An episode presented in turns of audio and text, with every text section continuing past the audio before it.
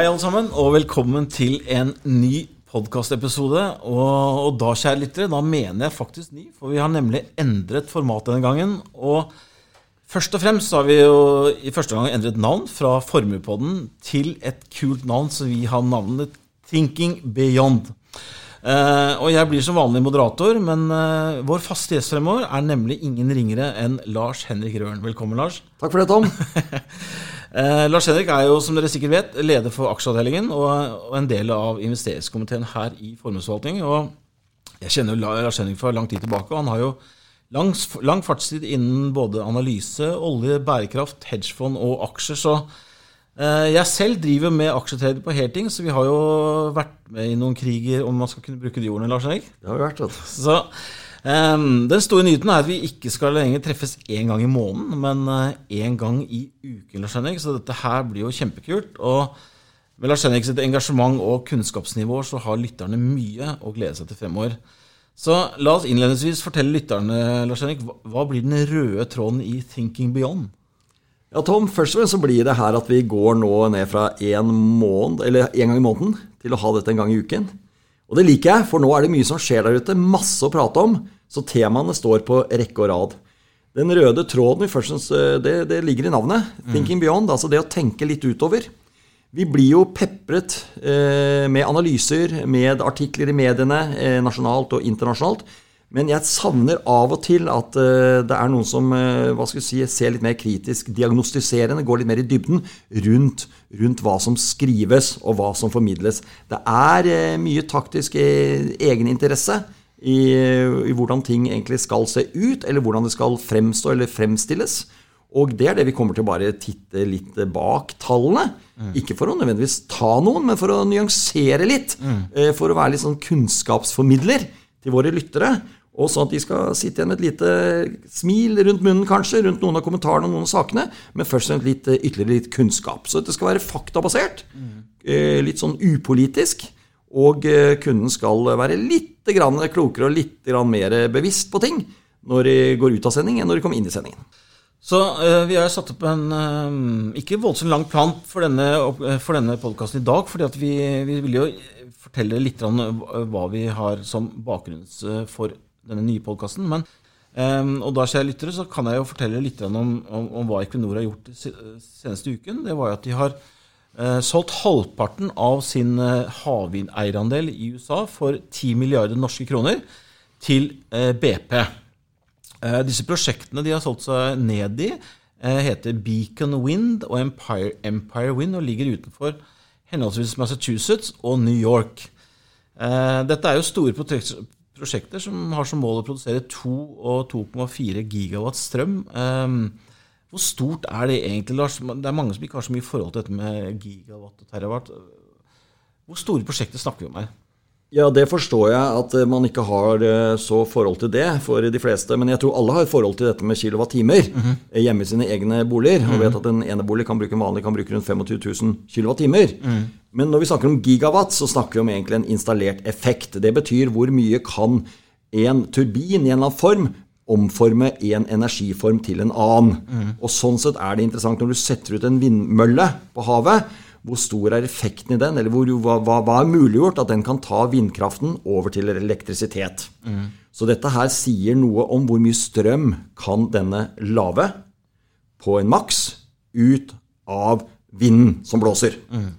Og så vet vi det ikke blåser hele tiden, men når først vinden blåser, så skal det bli maks eh, mest mulig med elektrisitet.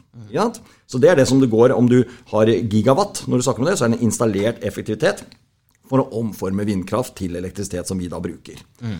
Når vi ser på en gigawatt, hvor mye er det, eller hvor lite er det, så er det i en strømverden faktisk et veldig lite tall. Men i en havvindsak, eller mm. vindsak, så er det et større tall. Men eh, sett i et verdensmålestokk installert kapasitet, mm. så er jo dette relativt, eh, relativt eh, lite. Det er som en sånn en middelmådig vannkraftverk, kan du si, når du snakker om en giga, gigawatt. Som da på vannkraft så vil det da Eh, ja, det er faktisk ganske eh, stort. Altså det, er et, det er et eh, Hvis du tar dette som vindkraft, 1 gigawatt, og så står det på i 4000 timer i året, det er halvparten av årets timer, mm. altså da blåser det, sier vi, mm. så genererer dette altså gråt 4 terawatt-timer. Mm. Og 4 terawatt-timer, det må man se i forhold til Norges forbruk eller, eller, eller produksjon på ca. 140 terawattimer.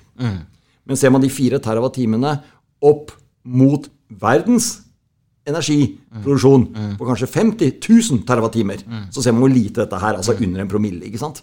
Men havvind er i en tidlig fase, og sånn sett er dette her store tall for havvind, men det er veldig små tall for den samlede kraftproduksjonen i verden. Nemlig. Og det er noe av utfordringen, Tom, eh, som kommer litt tilbake til denne, det er denne nå overgangen med altså, hvor, hvor, mye, hvor mye klarer sol og havvind og landvind å erstatte eh, av det som er den skitne kraften. Ikke sant? Og da er poenget at det må veldig veldig store investeringer til for at dette skal bli meningsfullt innenfor de neste 5, og 10 og 15 og 20 årene. Mm.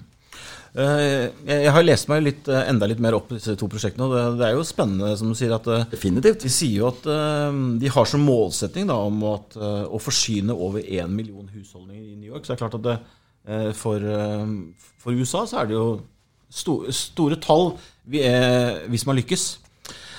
Men eh, vi, skal, vi, skal kanskje, vi skal dreie det litt over på dette med Equinor, Lars. For at, eh, eh, det jeg syns er litt interessant, er hvis man da Nå har jeg gått og dypdykket litt i visjonen og planen for BP. Eh, Isolert sett så kan man jo korte trekk si at de har innen 2030 har som målsetting å tidoble sin lavkarboninvestering. Eh, og enda viktigere, de skal kutte produksjonen med olje med 40 Eh, De skal redusere den såkalte karbonintensiteten fra produktene selv med over 15% Og sist, men ikke minst, sier de at de skal De forplikter seg til å ikke begynne med leting i nye land. Eh, og mange har jo kanskje et syn om at Equinor også liksom driver med en dreining nå over mot, eh, mot eh, klimavind. Men, men eh, leser man, dykker man litt ned i tallene til Equinor, så er, ser man jo faktisk det, om, det motsatte, Lars. Ja, og det er litt poenget med det vi skal liksom formidle i akkurat den praten vi har nå. Da, det er at eh, BP har, en, de har et sterkere uttalt mål, en, enda mer konkret. BP, de kan si at egentlig Navnet BP kan også da stå for Beyond Petroleum. ikke sant? Etter petroleum. Eh, De har, her, er det, her er det handlinger, ikke bare ord. Nå skal det sies at Equinor det er veldig bra. Det er helt ledende på dette med havvind og alt. Men det blir så veldig lite eh, når vi måler dette energienheter, hva de skaper på den grønne plattformen, altså havvind og sol, eh, i forhold til hva deres ambisjoner er om økning de neste seks årene på olje og gass. Jeg vil bare minne om at Equinor eh, på sin seneste kapitalmarkedsdag i vinter så annonserte de eh, ambisjoner eller målsetninger om å øke petroleumsproduksjonen sin med 3% i året per år fram til 2026. Det betyr at Equinor sikter seg inn mot å være en større olje- og gassprodusent enn den har vært de seneste 15-16-17 årene, når vi kommer til 2026.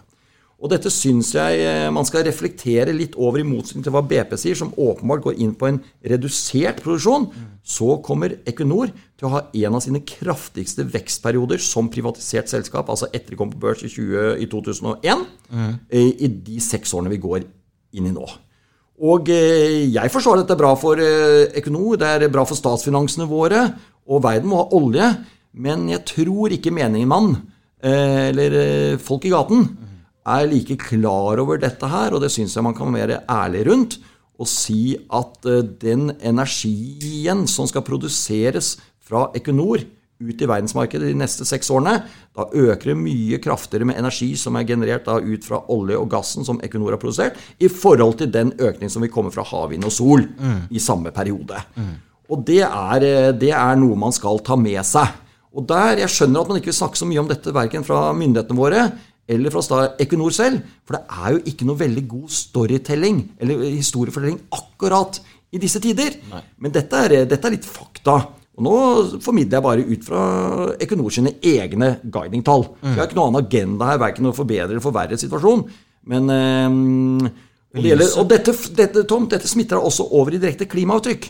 For når du produserer så mye mer olje som, som Equinor skal gjøre de, de neste årene, så betyr det ingenting at de har fine ambisjoner om å kutte selve karbonutslippet i forbindelse med produksjonen. Da snakker de om å kutte dette fra 10 til 9 til 8 kilo CO2 per fat. Men det hjelper så lite at når hvert nye fat som produseres, det slipper ut 350 kilo CO2 når det forbrennes et eller annet sted i verden. Da hjelper det veldig lite å spare den 1 eller 2 kilo ved selve produksjon. Der er Statoil eller Equinor gode, men det er jo forbrenningen av fatet et eller annet sted i verden som skaper problemet. Og Equinor er altså på en ordentlig økeren fram til 2026. Det er verdt å ta med seg. Nemlig. Og, og for, for lytterne våre, så liksom du snakker om denne Her tror jeg kanskje endringer, for jeg tror ikke den guiding der er holdbar. Jeg tror ikke aksjonære-community på en måte eh, vil, vil, vil godta det ut fra den verden vi går inn i fremover. Så vi kan vente endringer på den planen. Nemlig. Og for, for å gi, tall, gi litt tall til lytterne våre, så når du sier den økningen, så, så har jo, produserer jo mm, Equinor, hvis du får korrigere meg hvis jeg sier feil, men det er jo i snitt sånn ca. 2 millioner fat eh, olje. Ekvivalent, ja. Ekvivalenter. Eh, I snitt de siste årene har vel ligget pluss-minus 2 Ja. millioner. Er. Eh, og hva, eh, hva slags eh, Nå vet jo jeg det, jeg men hva slags økning er det vi snakker om her de neste Nei, fra å ligge nå i sted mellom 2 og 2,1 millioner fat oljeekvalent per dag, og vi bruker ekvalent fordi man regner da gassproduksjon over i en oljeekvalent, så skal det øke opp mot rundt en 2,5. Hvorav litt over halvparten av dette skal være ren olje. Så en økning på 250 000-300 000 fat olje hver dag. Mm. Ja, Og det er hele Norges forbruk av olje. Det er ca. 250 000 fat olje om dagen. Det er Norges forbruk. Eh, og det er det eh, Equinor alene skal øke. Og da er det man kan regne på egentlig energiinnholdet i den økningen. Vi vet at liksom 1 kubikkmeter olje er 10 000 kWt i energiinnhold. Da har vi liksom sammenhengen i forhold til vi snakket om energiinnhold i stad. Og Derfor er det lett for meg å egentlig regne hva er økningen i energien via olje som, som energibæreren som Equinor produserer og øker fram mot 2026, versus det som de har ambisjoner om å øke innenfor havvind og sol, som er uttalt mellom 4 og 6 gigawatt effekt fram til 2026. Og det, så det kommer til å bli sånn ca. rundt 25-30 TWh per år fra renewables, mens økningen i olje alene kommer til å være et sted mellom 150 og 190 TWh. Og der ser vi på en måte at eh, Equinor kommer til å bli en større eh, energitilbuder av eh, energi som er originert eller kommer fra olje og gass i 2026 enn det de er i dag. Og det er ikke noe god historiefortelling, og jeg skjønner at eh, den dempes litt. Ja, for at ehm, Vi går mot veis ende allerede her, Lars. Men uh, for å avslutte litt av dette med ESG, da, som er det store, dette med bærekraft, som Ja. er det store ord uh, ute i, i verden nå, egentlig. Så, så uh, hvordan skal de klare å få denne her storyen gjennom, egentlig? Nei, og dette her er litt morsomt. Her er jo, her er jo inne på noe veldig spennende. For det vi har fortalt nå Jeg prøver ikke å svartmale eller Equinor, jeg prøver bare å være litt ærlig rundt hva de er de driver med. Og det er veldig bra de driver med sin havvind og solsatsing. Veldig bra. De endrer selskapet. Men de, liksom, de kommer fortsatt til å være en større eh, ha et større CO2-avtrykk i 2026 enn de mm. har i dag. Er det, og det syns jeg folket bør vite, da. Men da er det mange som tror at dette selskapet må jo ha en dårlig ESG-score. Mm. sant? Saken er bare at Equinor har en høy ESG-score.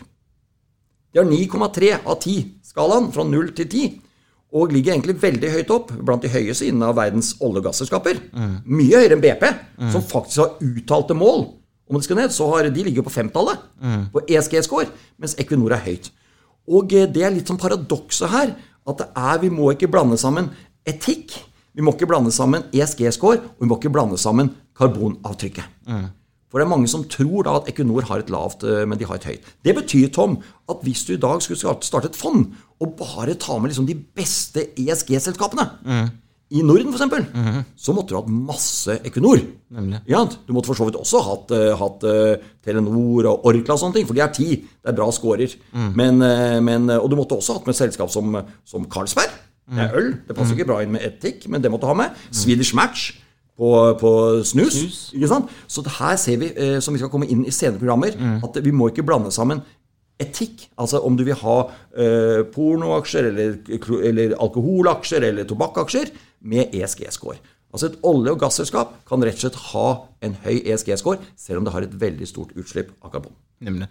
Og det, det som du sa, Lars, skal vi, Lars Henrik skal, jeg, jeg, Det får unnskylde jeg sier, Lars, men det er Lars Henrik selvfølgelig. Men eh, vi har litt dårlig tid, så da må vi Ja. være litt raskt. Eh, poenget er eh, Lars Henrik, at eh, dette her er et tema som vi antageligvis kommer til å komme inn, i- inn i flere episoder eh, Ja. i, i fremtiden. Så eh, kjære lyttere, vi kommer til å avslutte der, men jeg skal gi dere en liten teaser på neste ukes episode. For det, et tema som er veldig høyaktuelt om dagen, er dette med å investere i vekstaksjer versus verdiaksjer. Eh, og i dagens nullrenteklima er det Er det jo helt klart at vi har sett vekstaksjer eh, gå nesten veggimellom, hvis man skal få lov til å bruke de ordene. Så uh, dette er temaet vi skal snakke om neste uke, Lars Erik. Ja, og dette er utrolig spennende. Og som en liten fun fact da på slutten, så er det jo interessant nå ved utgangen av august å se at um, Apple sin andel i verdensindeksen er nå 4% Og til sammenligning kan jeg si at f.eks. at hele UK, da, hele, hele, selskapsuniverset, som er en del av verdensindeksen fra UK, mm. I verdensindeksen, da, er 3,6% ja. Og det er interessant, da. Så Apple er nå større enn alle børsnerte selskaper i verdensindeksen i UK. Mm. Og dette er jo verdt å reflektere over. Mm. Og Microsoft for eksempel, er større enn alle aksjene i Frankrike. Mm. Så dette her har gått liksom, det er, det er noe man ikke kunne se for seg for bare få år siden. Men nå er vi her. Hva nå? Hva betyr det? Hva er konsekvensene? Hvordan håndterer vi det? Det er ting spennende å snakke om neste uke, Tom. Strålende. Da vil jeg bare avslutte kjære lyttere, å takke for oss denne gangen. Og si at vi ses igjen om en uke. Det gjør vi. Ha det. Ha det bra.